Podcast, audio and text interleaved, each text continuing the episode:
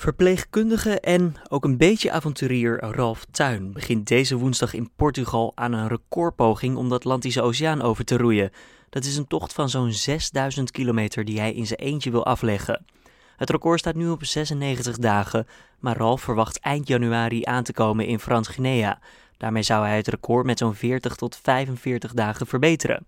Aan de telefoon, Ralf.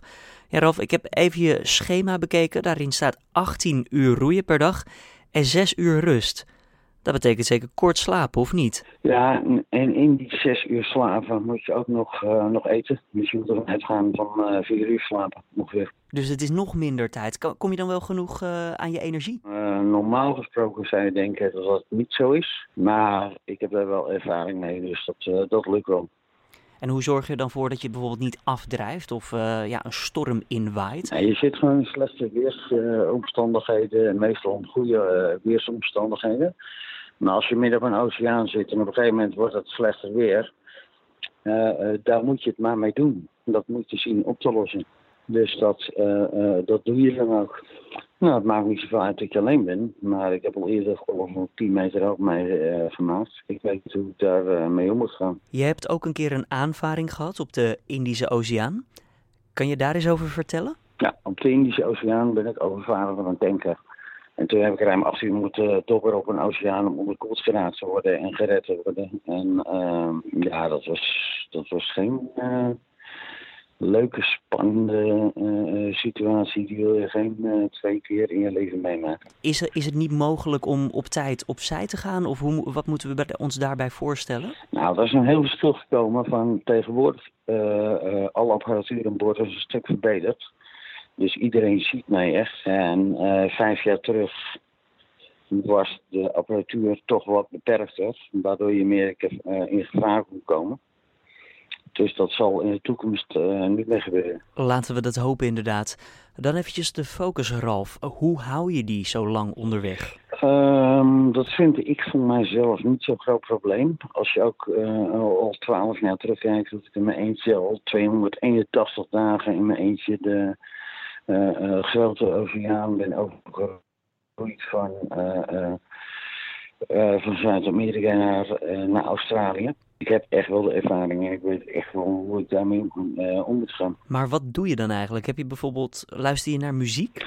Ja, heel veel, uh, heel veel commerciële oude house muziek en heel veel uh, crunch en Nirvana en dat soort muziek wat mij er ook uh, doorheen sleept. En dan het eten, dat moet je natuurlijk ook doen. Hoe gaat dat in zijn werking? Neem je dat allemaal mee? Ik vang onderweg vis, maar het is een klein bootje. Het is nog geen 7 meter lang. Dus die uh, gaat uh, aardig op en neer af en toe in 10 meter hoge golven. Maar ik heb al mijn vriesdroogde maaltijden mee. Ik vang vissen, verse vis erbij. Maar dat weet je nooit hoeveel je van.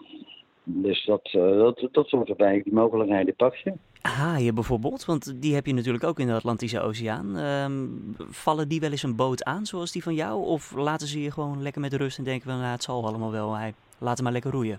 Ja, haaien die zie je wel om je heen.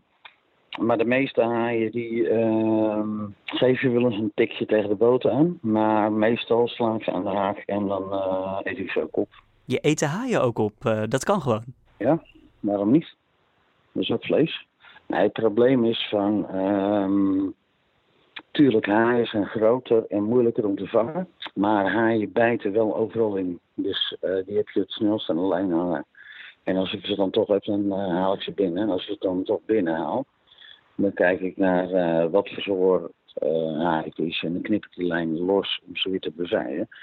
Of als het een lekker ei is, dan trekken ze naar binnen om op te eten. Wat is voor jou, denk je, de grootste moeilijke drempel waar je overheen moet tijdens deze recordpoging? Nou, mijn grootste overwinning is nu om uh, een hele snelle tijd neer te zetten in mijn eentje.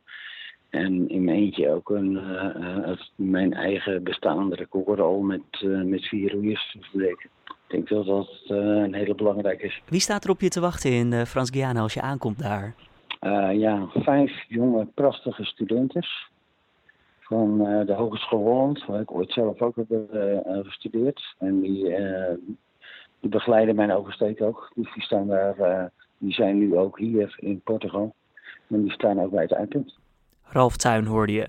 Eind januari wordt hij verwacht in Frans-Guinea aan de andere kant van de Atlantische Oceaan. En dan is ook duidelijk of hij het record op zijn naam heeft geschreven.